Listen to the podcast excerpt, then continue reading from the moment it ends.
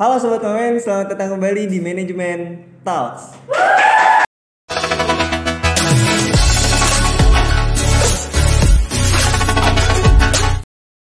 Halo Sobat Momen, selamat datang kembali di Manajemen Talks Dan ini adalah episode kedua dari Manajemen Talks Yang hari ini kita kedatangan narasumber yang luar biasa banget Narasumber kita di episode 2 hari ini yaitu mantan Ketua Umum Hima Manajemen Mantan Ketua Umum Badan Eksekutif Mahasiswa KMFB UHAMKA Dan sekarang menjabat sebagai Menteri Luar Negeri BEM UHAMKA Tepuk tangan dulu untuk narasumber kita yang satu ini Halo Pamen, apa kabar? Ini manggilnya Pamen aja ya Bang ya? terserah bebas Uh, jadi ini adalah Bang Putro, nama lengkapnya adalah Muhammad Tri Saputro yang tadi udah Raffi bilang sebagai Menteri Luar Negeri Badan Eksekutif Mahasiswa UHAMKA. Nah, Bang, apa kabar sebelumnya nih Bang? Sebelum uh, kita lebih jauh ngobrol nih, Uh, boleh dong Bang, kenalin uh, diri Bang Putro ke teman-teman yang lagi nonton hari ini.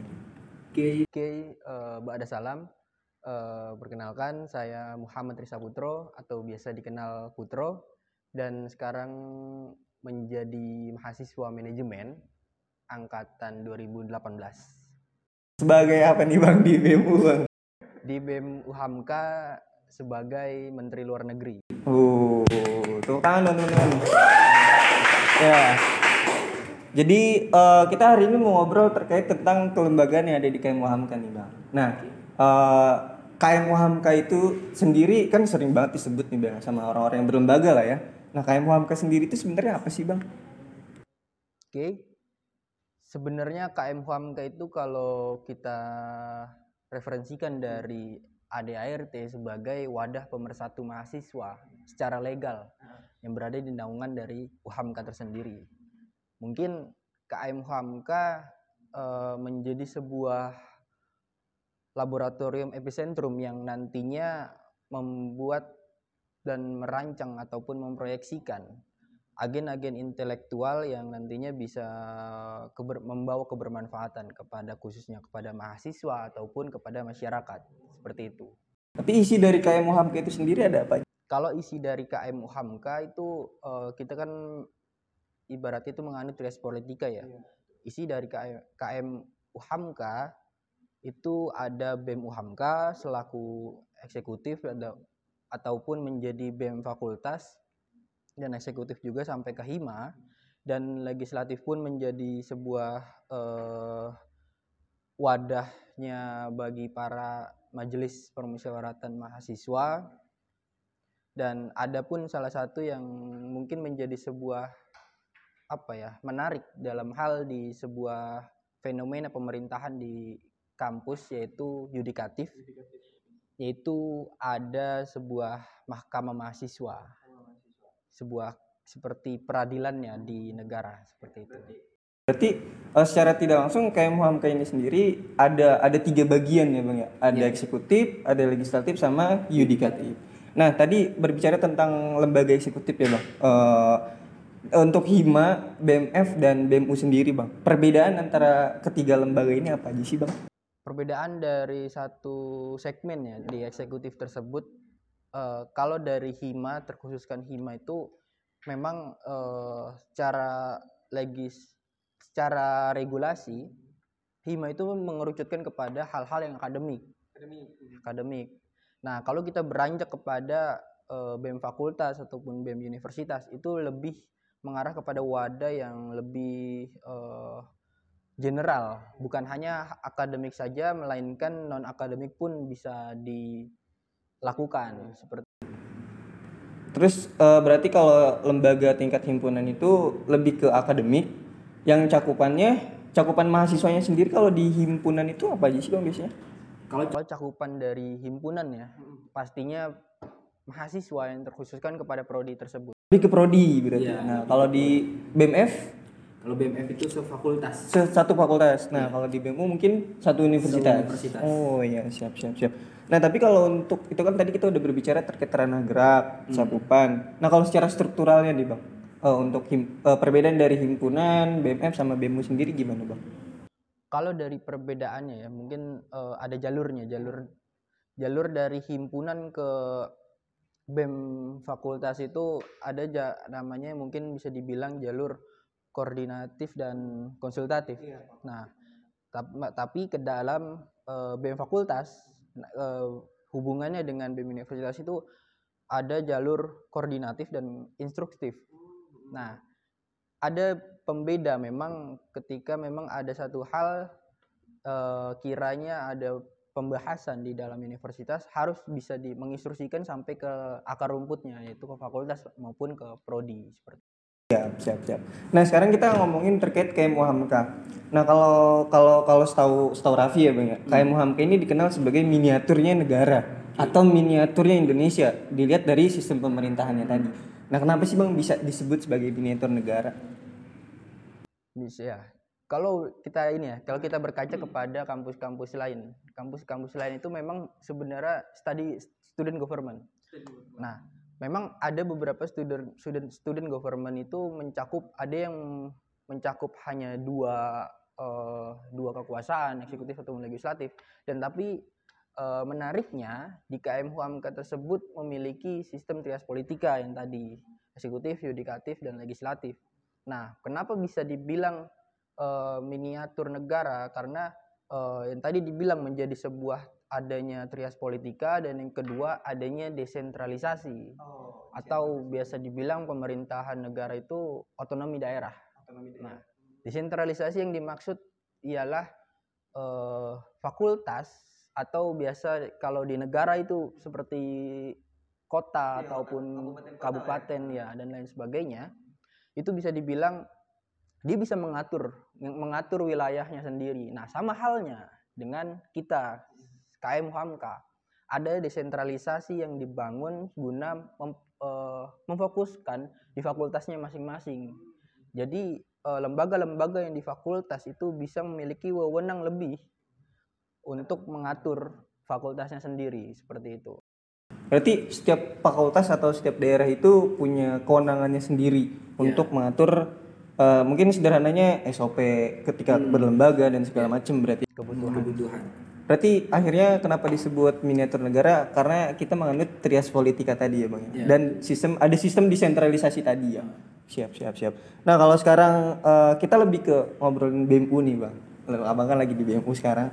Kira-kira apa sih yang akan dibawa oleh teman-teman BMU hari ini? Atau mungkin yang sudah dilakukan gitu oleh teman-teman BMU hari ini? Khususnya kalau tadi kita ngomongin asas kebermanfaatan ya. Eh, yang punya dampak kebermanfaatan untuk masyarakat tuh apa sih bang? Oke. Kalau kita mengerucutin kepada BEM Universitas ya. BEM Universitas itu memang eh, wadah yang paling besar di KM Hamka karena memang sudah eksekutif tertinggi. Jadi memiliki wewenang yang lebih eh, dibanding yang lainnya. Nah, eh, proyeksi yang di hari ini BEM Hamka lakukan terhadap mungkin bisa dibilang pemberdayaan sosial itu bisa mengerucutkan kepada eh, salah satu kementerian. Kementerian itu sosial lingkungan, sosling atau bisa dibilang. Nah, hari ini eh, kita masih merancang untuk adanya kerja sosial yang nantinya itu akan menjadi sebuah pengabdian kepada masyarakat terkhusus kepada pengurus-pengurus di BEM Hamka. Nah, di sisi lain ada kementerian Kemendikbud yang punya iba punya di bawah eh, mempunyai komunitas itu namanya UHAMKA Menyala. nah, di dalam UHAMKA Menyala pun eh, berjal bergerak secara sosial dan pemberdayaan tersebut dan hari ini pun eh, UHAMKA Menyala sudah menjalankannya dan masih berjalan dan mengabdi kepada di daerah Banten. Oh iya, sekarang lagi di Lebak Banten kalau nggak salah. Iya, di Lebak Banten. Itu berarti eh, yang sudah dilakukan dan yang akan dilakukan tadi ada di Kemensosling sama di eh, Kemendikbud ya bang ya. Nah itu terkait dengan apa yang akan terkait kebermanfaatan untuk masyarakat ya bang ya. Nah kalau eh, sikap dari BMU sendiri nih bang eh, terkait isu-isu terkini seperti misal isu ekonomi, isu pandemi dan yang lain sebagainya lah. Apa sih eh, respon dari teman-teman BMU sendiri gitu? Kalau ada isu yang lagi naik. Nah sederhananya sekarang di Wadas kan ada tagar Wadas melawan. Nah sikap dari BMU sendiri gimana gitu bang? Nah, kalau dari sisi dari BMU tersendiri memiliki sikap yang jelas dan mutlak ya bahwa hari ini adanya sebuah eh, permasalahan sosial yang menjadi sebuah permasalahan nasional yang menjadi sebuah eh, timbul timbulnya keresahan dari wadas tersendiri. Nah, tentu dari BMU hadir melalui pernyataan sikap melalui ber- eh, sosial medianya seperti itu. Berarti lebih kepada eh, siap lah ya terkait me- sikap BMU sendiri terhadap isu-isu terkini ya. Eh, kalau untuk kajian-kajian sendiri itu bang, itu eh, respon dari teman-teman BMU mau ngelakuin kajian tuh kalau ada isu aja atau ada sisi tersendirinya untuk kajian sendiri bang? Eh, kalau dari sisi kajian ya, eh, mungkin eh, diskusi publik itu ada, ada dua arah, ada dua arah yang bisa kita jalankan. Pertama memang ada perencanaan, isu-isu perencanaan dan asa ada isu-isu yang menjadi sebuah insidental. Nah, tentu eh, BEM UMK hadir itu ada dua arah. Pertama, ketika memang ada permasalahan-permasalahan sosial, itu yang lebih kita eh, lebih kita prioritaskan untuk kita bahas karena eh, sebuah eh, isu lahir perlu adanya eh, pembahasan literatur, literatur dari adanya diskusi-diskusi ilmiah. Nah, hadirnya diskusi-diskusi ilmiah tersebut akan melahirkan sebuah pernyataan sikap tadi dan ataupun bisa dibilang sebuah rekomendasi yang akan dialihkan kepada pemerintah seperti itu. Tapi terkait eh, pergerakan ya, perger- kita berbicara terkait pergerakan. Pergerakan dari KM Wahamka, khususnya BEM Wahamka sendiri ya bang. Di, di KM Wahamka ini eh, pasti ada regulasi dan juga eh, terkait eh, produk hukum lah ya. Nah produk hukum di KM Wahamka sendiri ada apa aja sih bang?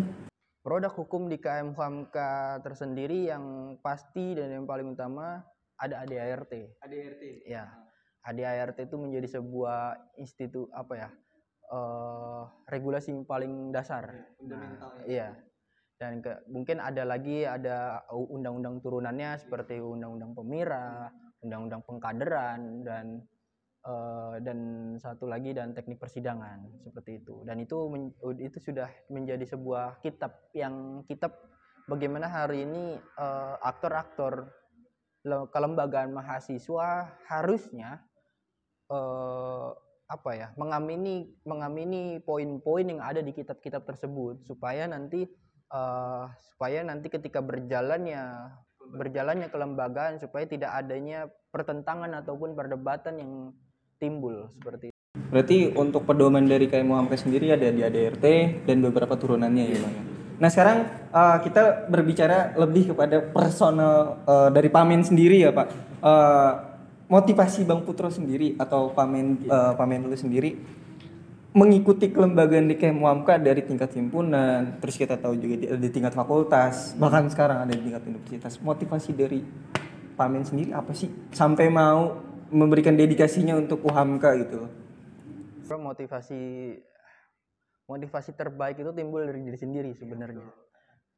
Nah, sebenarnya motivasi kenapa eh, bisa bisa dibilang proses ya, proses proses yang hari ini eh, saya lakukan sampai saat ini sebenarnya satu hal yang hari ini saya selalu pegang bahwa hari ini eh, kita itu belajar di mana pun tanpa ada batas dan pelajar pembelajaran itu dan diliputi dengan haus akan ilmu gitu. Nah, tentu hal itu menjadi sebuah acuan atau menjadi sebuah pemantik diri sendiri bahwa hari ini kita itu selayak menjadi mahasiswa loh. Bagaimana hari ini memanusiakan manusia lain.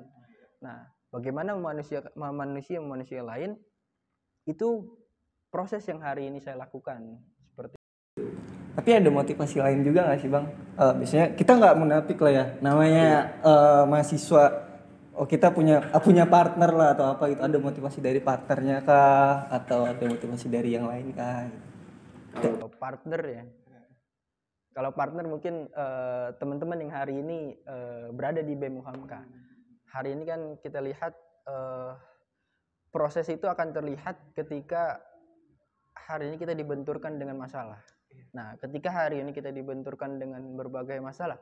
Nah, teman-teman kita atau teman-teman dari eh, dari himpunan sampai ke BEM Hamka itulah yang menjadi sebuah bukti konkret dan mutlak. Hari ini ternyata ada teman eh, yang hari ini masih kita membersamai dan kita harus rawat loyalitas tersebut. betul betul nah eh, berarti itu tadi motivasi dari Pamin ya terkait mengikuti kelembagaan yang ada di KMUAM kan Eh, untuk untuk sampai di tiga tahap tadi ya Pamin eh, itu prosesnya apa aja sih? Harus ngelewatin apa? Misal kalau kita menjadi anak himpunan harus eh, ngikutin apa? Misal seperti kayak LKTD kah atau apakah gitu. Sampai ke tingkat univ tuh ada apa aja sih bang? Iya. jenjangnya mungkin ya. Kalau kita sampai ke tingkat univ itu memang eh, pasti bisa dibilang orang-orang dari saringan. Nah, bagaimana hari ini kita menyaring eh, satu atau dua hal, tentu adanya sebuah proses. Nah, proses itu di dalam KM Huamka sampai berjenjang ke universitas. Kalau dari Hima saja sudah adanya pelatihan khusus yang bisa kita bilang LKTD, latihan kepemimpinan tingkat dasar. Nah, tentu kita ketika naik jenjang selanjutnya di fakultas itu ataupun BEM fakultas ataupun DPM fakultas, tentu ada jenjang kembali bagaimana proses itu eh, menjadi sebuah bukti yaitu latihan kepemimpinan latihan kepemimpinan tingkat madya. Nah, tidak selesai di situ juga. Nah, ketika hari ini eh, teman-teman dari fakultas ingin naik ke jenjang selanjutnya ataupun universitas, itu bisa dibilang sebuah eh, pengkaderan terakhir yang biasa dibilang itu LKTL. Latihan kepemimpinan tingkat lanjut seperti itu. Nah, kenapa memang adanya sebuah perjenjangan yang st- terstruktur? Karena memang kita melihat dari HDRT tersendiri dan melihat dari sebuah adanya fenomena yang harusnya kita buat sebuah hmm, pelatihan khusus bagaimana hari eh, yang kita menjadi sebuah apa ya penyaringan-penyaringan yang menjadi eh, bukti bahwa hari ini orang-orang terpilih akan terlahir dari sebuah proses seperti itu. Berarti proses pengkaderan di KMUMK sendiri ada tiga ya bang ya. Untuk di tingkat himpunan itu LKTD, tingkat fakultas itu LKTM, dan tingkat univ itu di LKTL. Nah eh, mungkin sebelum kita masuk ke pertanyaan dari Q&A ya, eh, last question nih bang. Mungkin lebih minta tipsnya aja sih karena eh, saya pribadi pernah melihat pamen ini berorasi lah ya, khususnya di ketika kita beberapa aksi kemarin lah. Nah tips dari Bang Putro sendiri untuk meningkatkan kepercayaan diri ketika berorasi itu gimana sih bang? meningkatkan ketika berorasi. Eh sebenarnya kalau untuk tips di dalam berorasi ya, berorasi itu sebenarnya kan eh, bagaimana kita beretorika atau bagaimana kita menjadi sebuah eh, optimisme yang tinggi gitu di- di dalam berorasi tersebut. Karena memang eh, itu juga secara otodidak sebenarnya. Otodidak. Namun namun satu hal yang perlu diingat juga adapun otodidaknya seseorang pasti ada proses yang harus supaya meyakinkan bahwa kalian itu bisa gitu. Nah kalau dari tips dari untuk orasi ya dan pasti yang pasti tidak jangan jangan peduli sama orang lain dalam artian jangan peduli sama orang lain eh, kita lihat kita peduli dengan permasalahan yang ada kita melihat dari permasalahan-permasalahan yang ada kita luapkan menjadi sebuah eh, menjadi sebuah titik emosional tertinggi nah titik emosional tertinggi kita luapkan kembali kepada orasi tersebut Oh iya siap siap. Berarti itu tadi tipsnya ya. Nah sekarang kita masuk ke pertanyaan Q&A nih bang, karena kebetulan kemarin kita open Q&A juga ke teman-teman sobat mamen yang ada di rumah lewat akun Instagram Himam ini pastinya. Nah kebetulan udah ada beberapa pertanyaan. Yang pertama dari Ed uh, Aura Cynthia. Uh, dia nanya selama kakak berorganisasi nilai akademik aman kak? Nah gimana tuh bang? Alhamdulillah. Alhamdulillah aman berarti ya. Alhamdulillah aman. Nah, oh ya. Nah sekarang pertanyaan yang kedua dari Ed Dino Daniel. Kan narsumnya Menlu. Eh, itu tugasnya ngapain sih? Nah, tugas dari Menlu ngapain sih bang? Kalau eh, dari tugas tupoksi dari Menteri Luar Negeri eh, sebenarnya lebih mengarahkan kepada eksternal, Eksternal. membantu presiden mahasiswanya.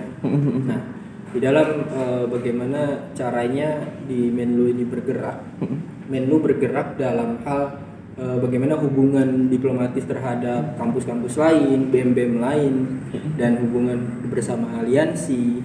Dan di sisi di sisi lain dari hubungan tersebut, tapi kita juga ada sebuah konseptor konseptor tapi konseptor untuk penggerak penggerak dalam artian eh, untuk eh, bagaimana caranya eh, ketika memang keresahan-keresahan itu sudah ada dan sudah dikemas oleh eh, diskusi ilmiah yang tupoksinya melalui Kementerian Politik Dan hukum ya.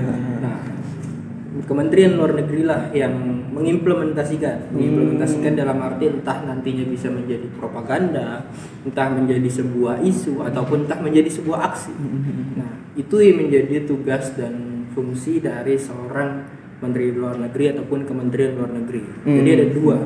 Jadi ada dua ada dua hal yang harus kita fokuskan. Pertama eh, hubungan diploma Hubungan diplomatik. diplomatis terhadap eh, Eksternal. eksternal dan yang kedua itu bagaimana caranya eh, membawa perjuangan-perjuangan dari mahasiswa terhadap masyarakat. Hmm, siap siap siap. Nah, nah ini ada pertanyaan yang terakhir nih dari eh, at @schrlamr.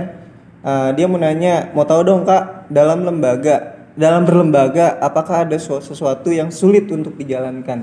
Nah, ada nggak sih bang sesuatu yang eh, selama eh, bang Putro berlembaga lah ya, ada nggak sih hal yang yang yang sulit untuk dijalankan gitu?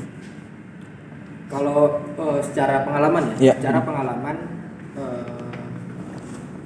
dari diri sendiri itu karena eh, pengalaman itu pernah eh, pernah ada satu hal yang itu menurut eh, saya pribadi sulit karena kita tidak bisa berkaca terhadap eh, pendahulu-pendahulunya.